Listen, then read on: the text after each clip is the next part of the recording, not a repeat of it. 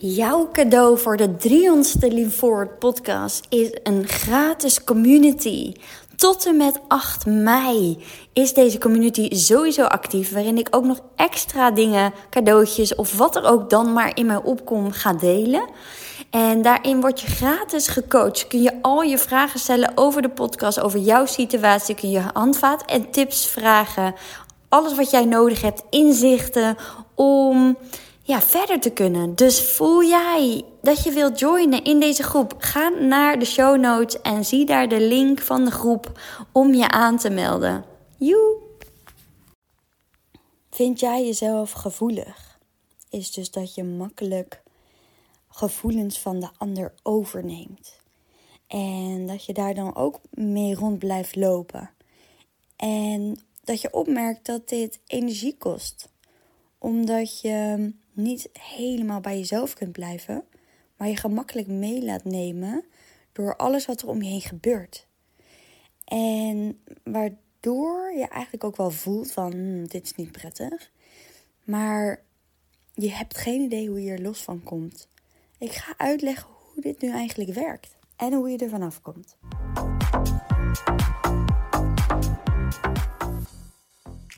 Een klant eh, van mij vertelde haar verhaal. En zij heeft uh, drie, of eigenlijk twee vriendinnen, waar ze mee in een vriendschap zit. En die andere twee vriendinnen, waar ze dan geregeld dus met z'n drieën afspreken, die, uh, ja, die hebben nog wel eens een mot met elkaar. En of uh, meningsverschillen, of ze voelen wat bij elkaar, of ze triggeren elkaar in ieder geval. En zij heeft daar verder dan niet last van, is dat ze echt getriggerd door ze wordt, behalve als zij getriggerd door elkaar worden. En dus op zo'n moment voelde ze altijd uh, dat zij een soort verbinder mocht gaan zijn. Dus dat ze uh, bij beiden moesten geruststellen.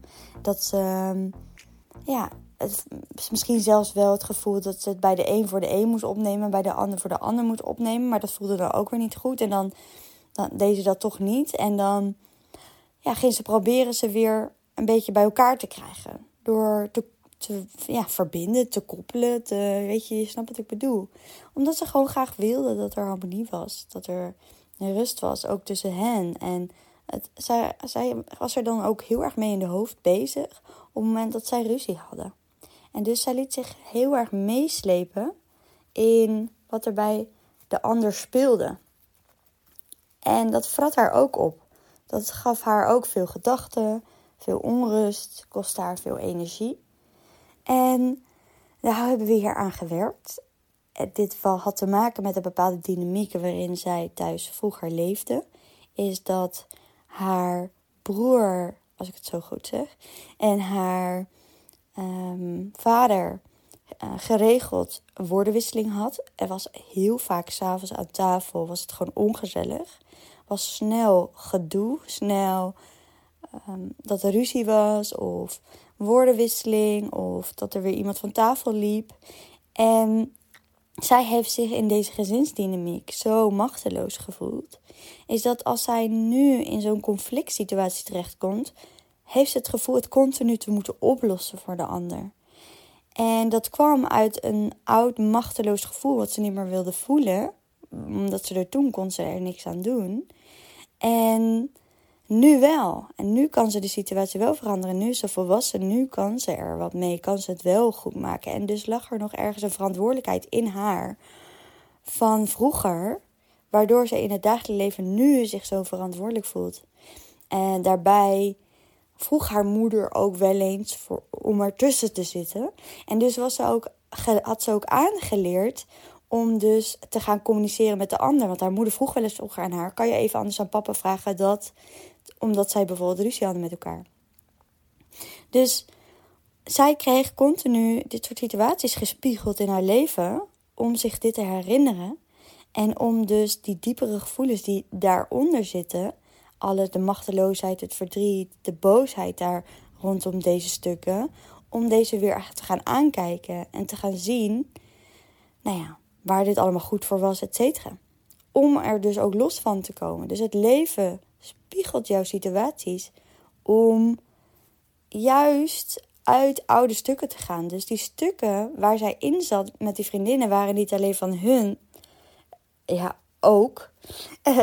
en het wilde haar ook iets vertellen. Wat mooie van dit verhaal is, is dat ze me gisteren vertelde, is dat die vriendinnen eventjes een soort pauze hebben. Een soort break. En wat natuurlijk helemaal oké is. En dat zij voelde dat ze er helemaal niks mee moest. Ze voelde niet dat ze er verantwoordelijk voor was, dat ze het moest oplossen. Ze voelde niet dat ze ertussen wilde staan. Ze had heel erg duidelijk het gevoel: dit is van hun, van haar en van haar. En er is eigenlijk helemaal geen stuk meer van mij, want ik voel er niks meer bij. Ze voelt eh, gewoon rust en het is gewoon oké. En dat is wanneer jij dus de energie bij jezelf kunt houden. En dus kunt voelen wat van de ander is en wat van jou is. Dus helemaal het bij jezelf mogen blijven en bij jezelf mogen zijn. En dat is wat heel veel mensen dus niet kunnen. Want dan ontstaat er dus zo'n situatie.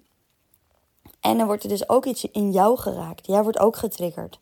Dus op het moment dat iemand uh, bijvoorbeeld moeite heeft met dominante mensen. En jij hebt ook moeite met dominante mensen. En jouw collega die is dat bijvoorbeeld met een ander aan het uitvechten.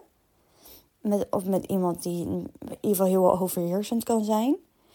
En als je dan niet bij jezelf kunt blijven en je ziet dat, of je hoort dat van die collega, dan word je onopgemerkt meegenomen in dat gevoel. Waarom? Omdat jij ook de overtuiging hebt rondom uh, dominantie, is dat jij ja, alert daarvoor moet zijn, of dat je uh, als iemand dominant is, jij je terug moet trekken, of uh, er kan van alles zijn wat je daar gelooft. En, en die herken ik ook, want uh, en niet alleen ik, ook veel van mijn klanten, is dus dat als jij een dominante vader hebt gehad, bijvoorbeeld, dan ben je ook altijd alert geweest op zijn gedrag. Want een dominante vader, of een vader die heel erg aanwezig is, of in één keer um, om kan slaan, of boos kan worden omdat het niet gaat zoals hij wil dat het gaat, dan voelt een kind zich direct afgewezen. En een kind betrekt gewoon alles op zichzelf. Die kan geen onderscheid maken tussen um, ja, wie hier nu fout is. Die kan niet zien. Een kind kan niet voelen van, oh papa die heeft nu uh, een hele drukke dag gehad. Die is daardoor gestrest. Toen hij thuis kwam, toen uh, had mama, die was een beetje afwezig. Want die kon zijn hart niet helemaal openen voor papa. Dat voelde papa. En toen um, snapte die naar mij. Want hij reageerde het af op mij, bijvoorbeeld. Hè? Zo kan een kind niet denken. Een kind denkt alleen maar: oh, ik doe het niet goed. Oh, het is mijn schuld. Oh, um, hè, um, ik ben dom. Of ik ben slecht, ik ben mislukt, ik ben tot last. Dat is wat een kind denkt. En dus op het moment dat iemand weer um, iets dominants uitstraalt, dan wordt dat, dat kind in jou opgeroepen, als het ware. Hè, dat wordt dus, je hebt een trigger en dus pjoep, daar komt dat kleine meisje of jongetje weer omhoog. En vanuit daar voel jij weer die emoties van toen. Dus de angst om het niet goed te doen, de angst om mislukt te zijn, de angst om um, slecht te zijn, dom te zijn, whatever, wat het ook maar is. En dus daarmee heb je allerlei gevoelens gevoeld die toen heel onveilig waren. En dus voel je je heel snel weer klein in bijzijn van een overheersend persoon of dominant persoon. En je voelt je direct weer minder en onzeker. En dan gaan er weer allerlei gedachten aan. En ja, nou je raadt het al. Daar heb jij dus werk te doen. En dus dan kan je het niet bij de ander houden. Dan, dan betrek je het dus op jezelf. Omdat het, dat kleine meisje of jongetje daar geraakt wordt. En daar heb jij wat te leren. En dus kunnen we dus sterk voelen: oh, ik neem een energie over van de ander. Ja. En, weet je, er zit meer onder en achter waardoor je die energie van de ander overneemt. Want hoe beter jij je actie-reactiepatroon en je trigger kent, hoe groter de kans dat jij het dus niet overneemt. Omdat je dan heel sterk kan voelen: oké, welk deel is van hen en welk deel is van mij. En zeker als je door deze triggers heen bent gegaan, zoals ik en heel veel van mijn klanten, dan heb je ook geen moeite meer met een overheersend persoon of een dominant persoon, omdat je aan die triggers al hebt gewerkt. En dus ja, hoeft jouw systeem niet meer te reageren hierop. Heb je dus niet meer zo'n actie-reactiepatroon. En het heeft altijd te maken, dit stuk, met uh, op je plek staan. En we gaan allemaal zorgen voor onze ouders. En ik, ik, op een bepaalde manier. Ik, weet niet of je het boek De Fonteinen hebt gelezen. Van Els Stein heet zij, geloof ik. Nou, zij heeft heel veel boeken. Ik uh, ben helemaal fan van al haar boeken. En zij legt hierin ook heel mooi uit hoe wij, uh, wat wij doen om goed genoeg te zijn, of om veilig te zijn, of om ja, voor hè, dat, het, dat het jou en de ander goed afgaat. Als kind ga je heel automatisch jezelf heel makkelijk aanpassen. Maar door jezelf aan te passen, ga je ook heel makkelijk daardoor voor de ander zorgen. En ga je hierdoor ook weer op een andere positie staan. In plaats van dat je onder je ouders gaat staan, ga je heel makkelijk je positioneren boven je ouders. En hoe zij het dan ziet, is dat je een fontein hebt. En dus dat je boven in de fontein van je ouders gaat staan om bijvoorbeeld voor papa te zorgen of om voor mama te zorgen. Dus uh, daarin heb je al geleerd verantwoordelijkheden over te nemen, te verantwoordelijk te zijn. Als jij iemand bent die aan verwachtingen wilt voldoen, of uh, je merkt op dat je heel makkelijk pleest, jezelf wegcijfert, jezelf op die tweede plek zet, dan weet je eigenlijk al is dat daar werk te doen is in de fontein. En want je bent je verantwoordelijk gaan voelen voor iets of iemand vroeger al, waardoor je nu continu aan blijft staan en dit uh, om je heen blijft doen. Dus de mensen die nu om jou heen zitten, je partner eventueel, hè, of uh, nou dit kan je ook opmerken in je dynamiek met je kinderen, want het wordt overgenomen. Maar ook je collega's, vriendinnen, et cetera.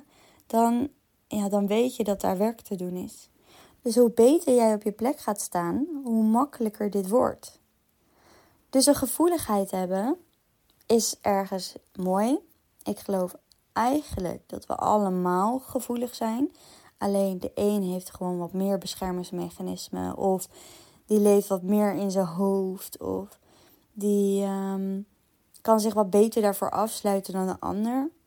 Maar, en, en, en, want gevoeligheid is ook gewoon is dat je open staat. Dat je kunt voelen, dat je kunt waarnemen. Dat je ehm, aanwezig kunt zijn.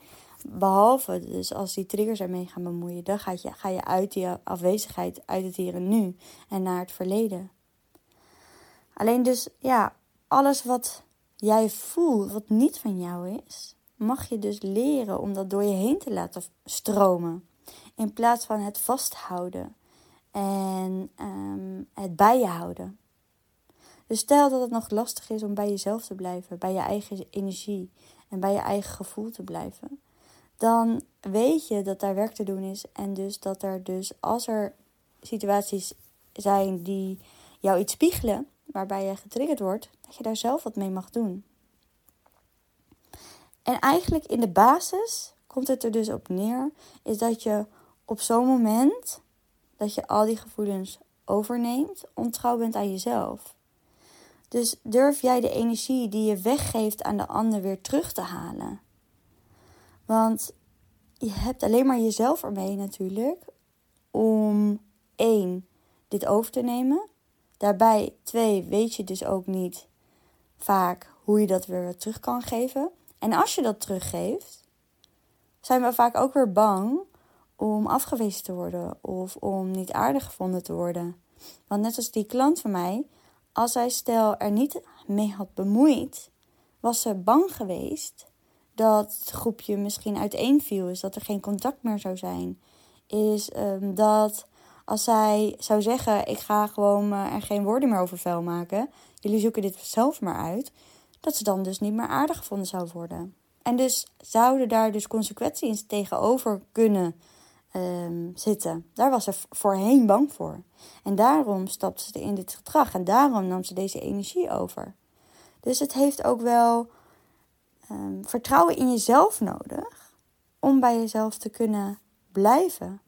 En om dit dan ook zo sterk te kunnen voelen. Ik uh, spreek heel veel mensen die uh, struggles hebben in ook relaties. En dus ook zelfs dat het gaat over hmm, dat een partner bijvoorbeeld scheidt aan, aan jou hebt, heeft. Uh, en of dat een partner gewoon maar lekker zijn ding doet en jou eigenlijk daarin niet helemaal oké behandelt. Of, of, dat, of dat het ongelijkwaardig voelt in een relatie. Of misschien heb je ook wel een dominante partner. Of misschien ervaar je zelf meer dominantie. Dat kan ook.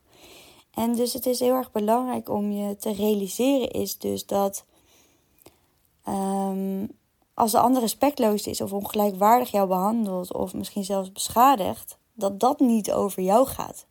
Het gedrag van de ander gaat niet over jou. Het getoonde gedrag is altijd dus een weergave van wat er in de persoon leeft en hoe hij of zij denkt. En dat kunnen zien is dat wanneer jouw partner bijvoorbeeld altijd te laat thuis is, of zich niet aan de afspraken houdt, of Ehm, ja, iets in, in, in waardoor je um, getriggerd wordt, hè, iets oproept bij jou, dan kunnen we dus heel snel denken dat, het, dat jij dan niet leuk bent, of dat jij dan niet goed bent, of dat jij dan niet belangrijk bent voor de ander, of dat. Het kan van alles zijn wat jij op dat moment over jezelf gaat geloven, uh, waardoor jij in deze dynamiek zit met je partner. En maar dat iemands gedrag hè, zegt dus niks eigenlijk over jou. Het wil niks zeggen over jou. Alleen als je het op jezelf betrekt, dan wil dat jou weer wat vertellen. Snap je? Dus het is heel belangrijk dat als je hiermee gaat oefenen, is dat je heel goed kan voelen: oké, dit is van jou en dit is van mij. Dit is wat ik hierdoor voel.